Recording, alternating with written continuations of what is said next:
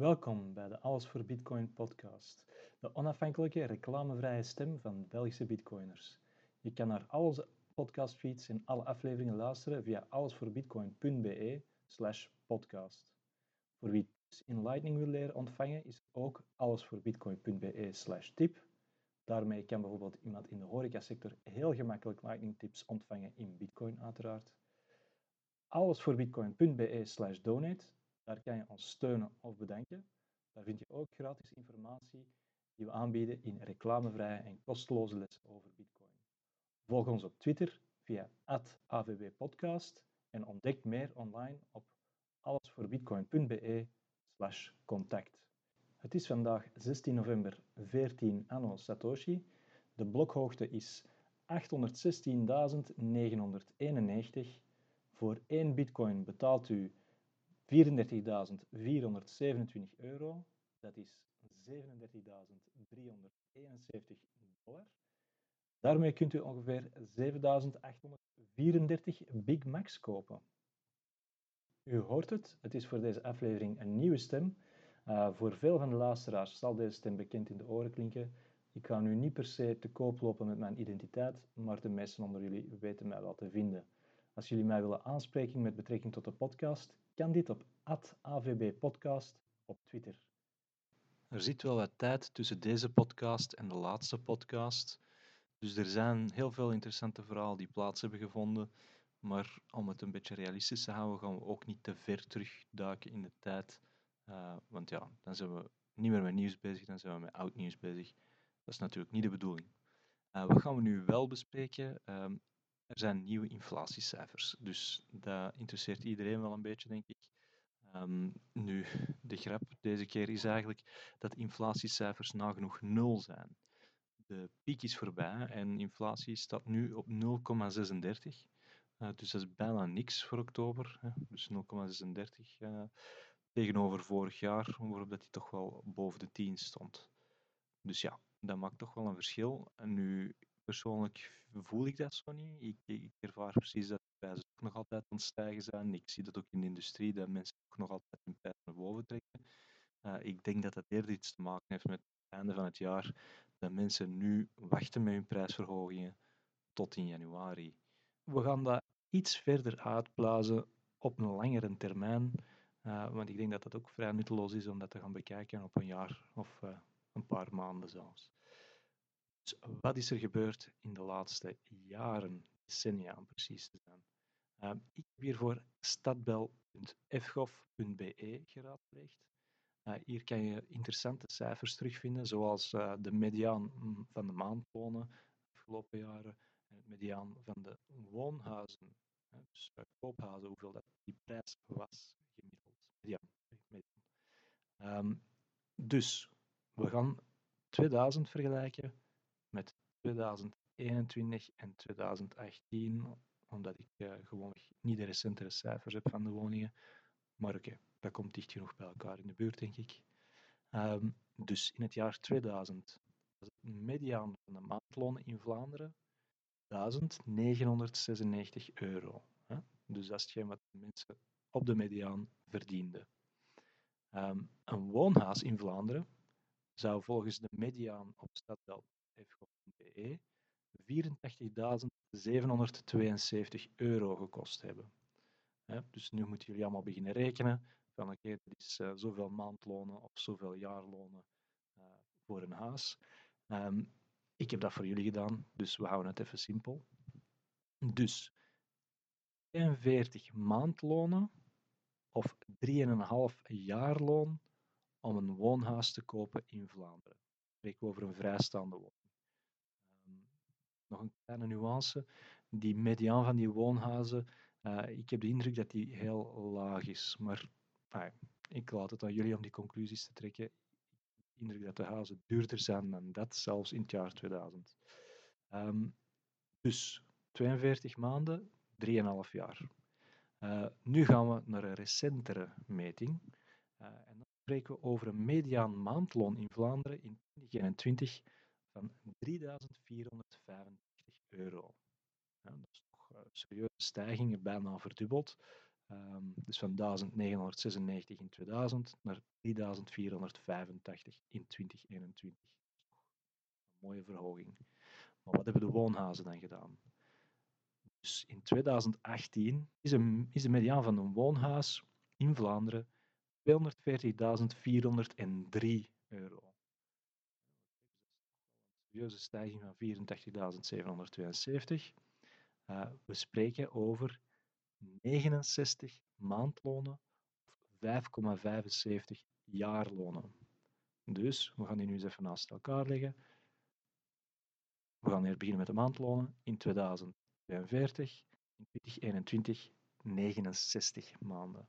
Dat is toch wel een verschil, denk ik. We gaan de jaren nemen, dat is een iets lager cijfer, gemakkelijker om te begrijpen.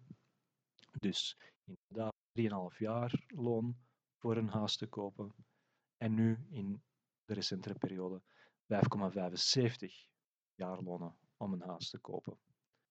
Ik heb het gevoel dat het moeilijker is geworden om als jonge starter een huis te kopen. Dus ja, het is dubbel zo duur geworden bijna om een huis te kopen nu. Dus heel veel mensen kunnen het gewoon echt niet meer, of moeten kleiner gaan wonen, of moeten op andere manieren gaan besparen.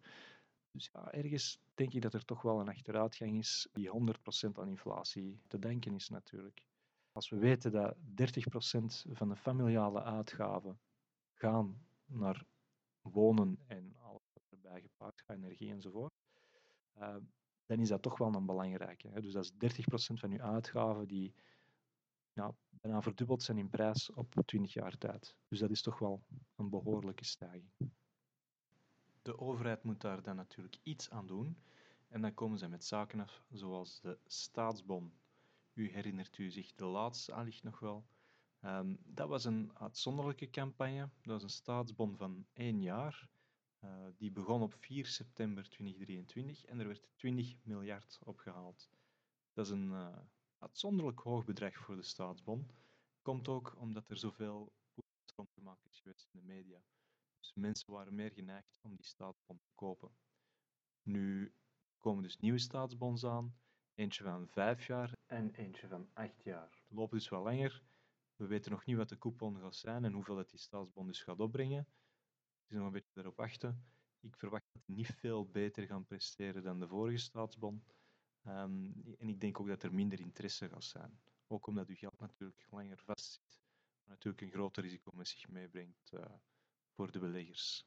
Desalniettemin denkt de Belgische overheid u op die manier het beste te helpen.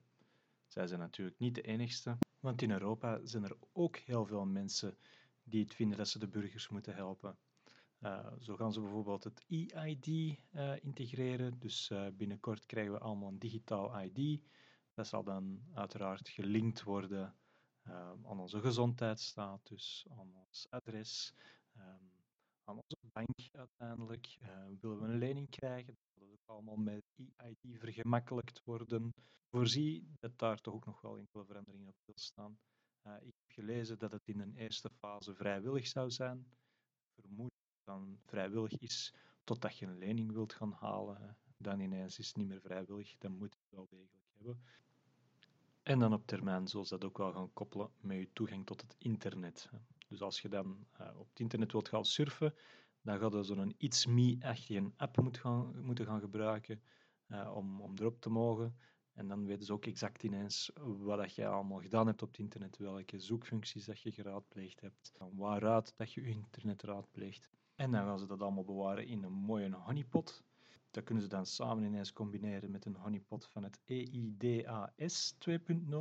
Dat is een nieuwe wetgeving uh, die voorgesteld is geweest in de EU.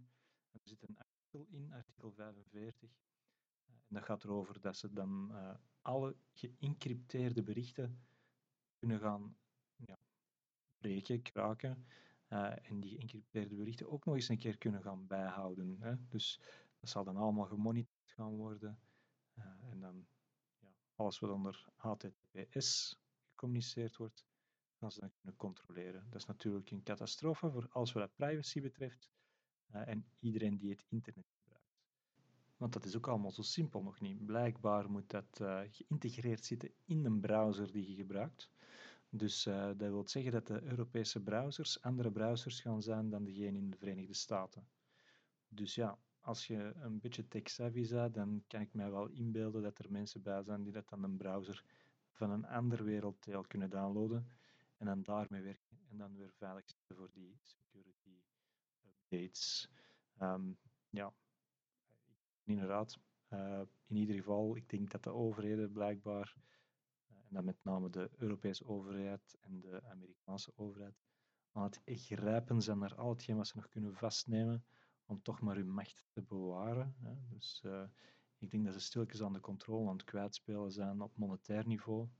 En dat ze nu proberen ons echt wel te grijpen, waar dat ze ons kunnen vastgrijpen, voor te zien dat ze toch maar in de macht blijven en dat ze toch maar de controle kunnen bewaren. En dan is het één ding om geëncrypteerde berichten te kraken en te monitoren. Uh, dat kost veel moeite, dus dan gaan ze dat niet voor iedereen doen, dan gaan ze dat alleen maar doen voor de risicogevallen. Uh, dus dat zou op zich nog wel meevallen. Uh, alhoewel ze AI kunnen gebruiken om wel grote bevolkingsgroepen te gaan targeten en, en, veel data te gaan minen, maar oké. Dat valt al bij al nog mee, omdat er daar ook wel wat proof of work in zit. Het is toch wel moeilijk om te realiseren voor iedereen te monitoren voor het. Um, nu, het gaat wel verder dan dat voor sommige politici. Dus, uh, nu gaat het over verhaal in de Verenigde Staten, niet meer in Europa. Uh, maar een van de presidentskandidaten in de Verenigde Staten, een dame, Nikki Haley, um, die vindt dat met het stijgen van het antisemitisme, met het Israël- en Palestina-conflict, dat er daar toch ook wel wat uh, ingrijpende veranderingen moeten plaatsvinden.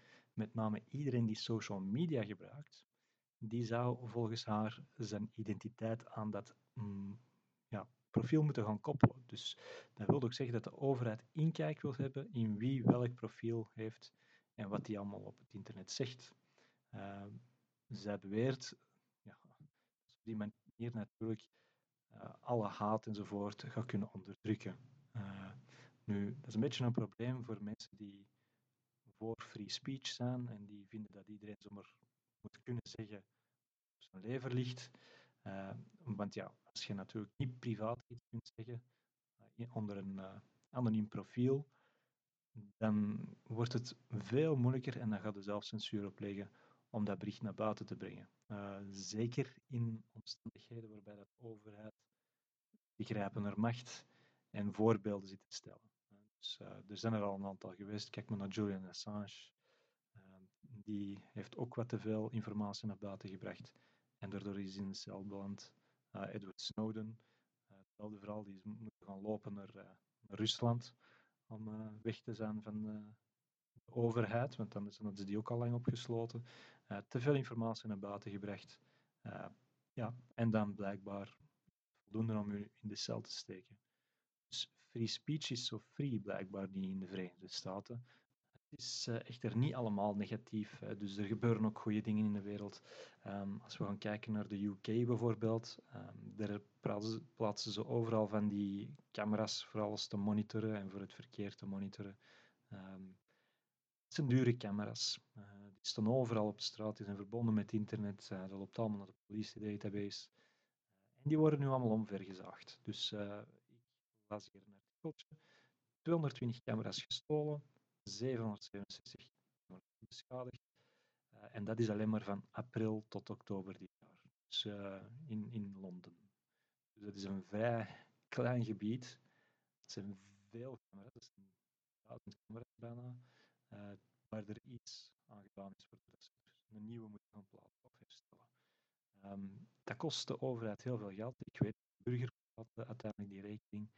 Um, maar ik denk dat dat wel een, duidelijk bericht stuurt naar de overheid voor te zeggen van hey, sorry, maar wij willen dit niet. Dus uh, er komen wel degelijk mensen in actie, uh, al is het een beetje laat misschien, ja, maar ik denk niet dat je ze nu kunt uh, tegenhouden, dus die gaan toch terug bijgezet worden, die gaan teruggesteld worden. Maar ik denk dat, uh, dat het wel een wakker wordt signaal is voor heel veel mensen. En als je luid genoeg roept, dan gaan zelfs politici beginnen luisteren.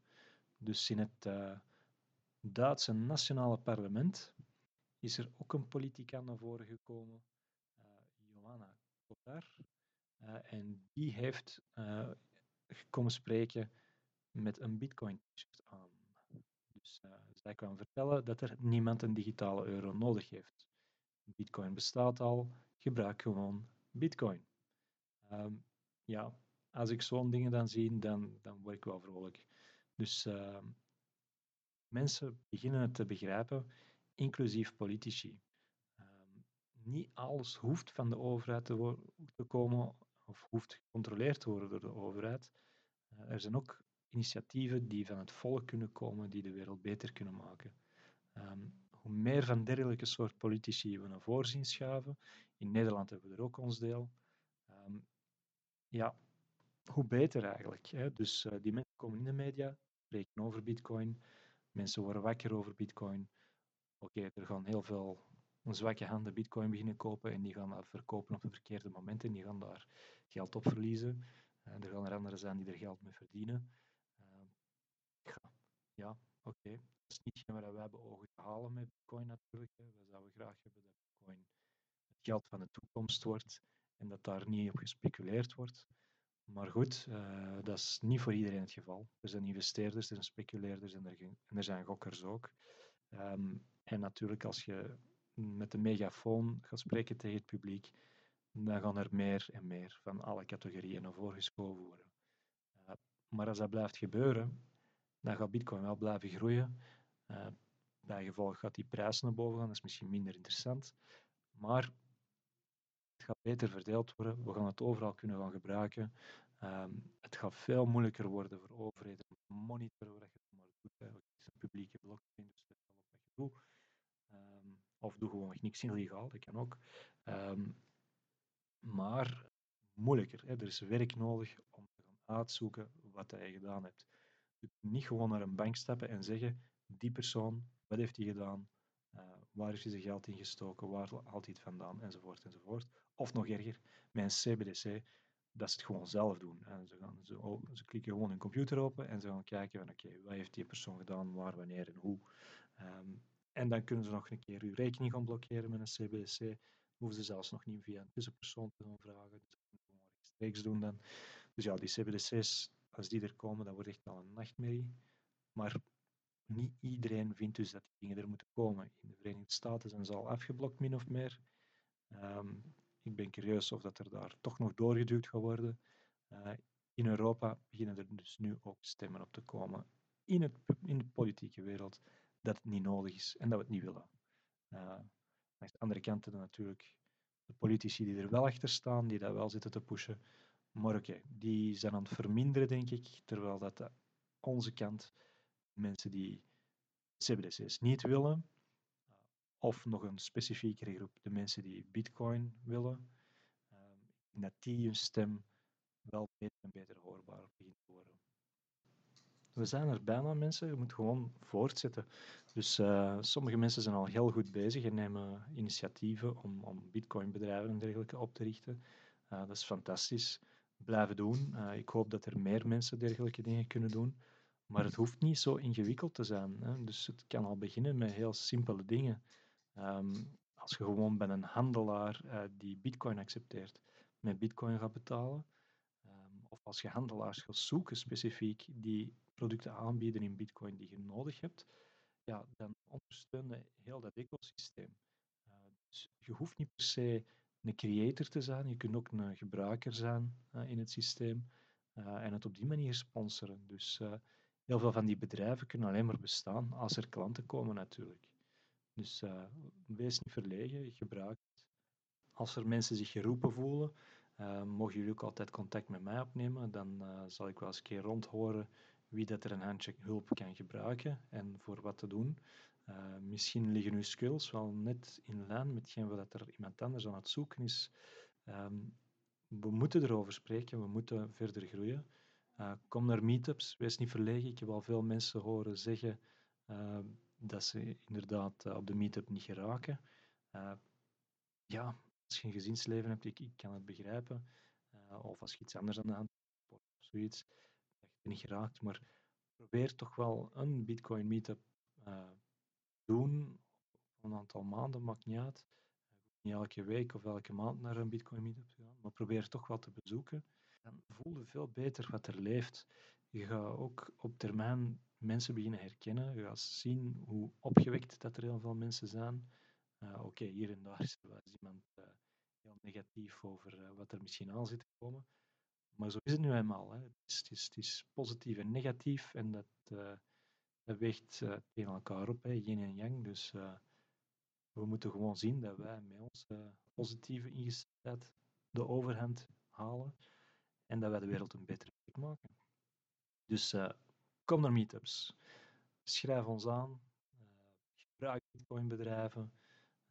Start Bitcoin-bedrijven op. Doe zo voort. Voor zij die daar nog niet klaar voor zijn, is er ook iets laagdrempeliger. Um, de AVB podcast op x.com. Ehm, Spaces kunnen jullie bijwonen. Uh, een Spaces is uh, een soort online vergadering uh, op x.com, ja, het vroegere Twitter. Um, en daar kunnen jullie gewoon de Spaces bijwonen, kunnen jullie aanvragen om mee te komen spreken. En dan kunnen jullie eigenlijk mee een, een gesprek over Bitcoin houden met andere Bitcoiners. Gewoon online. dat kan anoniem als jullie een anoniem x.com profiel hebben. En dan ja, op die manier kunnen we dan ook uh, nieuwe dingen te weten komen. Het is altijd leuk, ook voor de Alles voor Bitcoin podcast, om eens een keer stemmen te horen die we nog nooit niet gehoord hebben. Dan wens ik jullie nog te bedanken voor uh, te luisteren naar de nieuwe stem die de podcast, kon brengen. Uh, en dan hoop ik jullie in de toekomst nog podcast te mogen aanleveren. Dus een fijne dag of fijne avond of fijne ochtend aan iedereen die meegeluisterd heeft. En tot de volgende aflevering.